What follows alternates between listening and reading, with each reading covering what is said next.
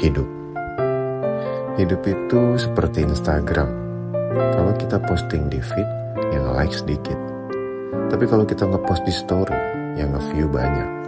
Jadi yang benar-benar peduli dan perhatian dengan diri kita itu sedikit.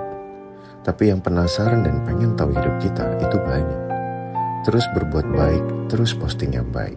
Gak usah peduli dengan like dan view. Dan sebaik-baik manusia adalah yang paling bermanfaat bagi manusia lainnya. Hidup bukan tentang mendapatkan apa yang kamu inginkan, tetapi tentang menghargai apa yang kamu miliki dan sabar menanti apa yang akan menghampiri. Selamat malam, have nice dreams.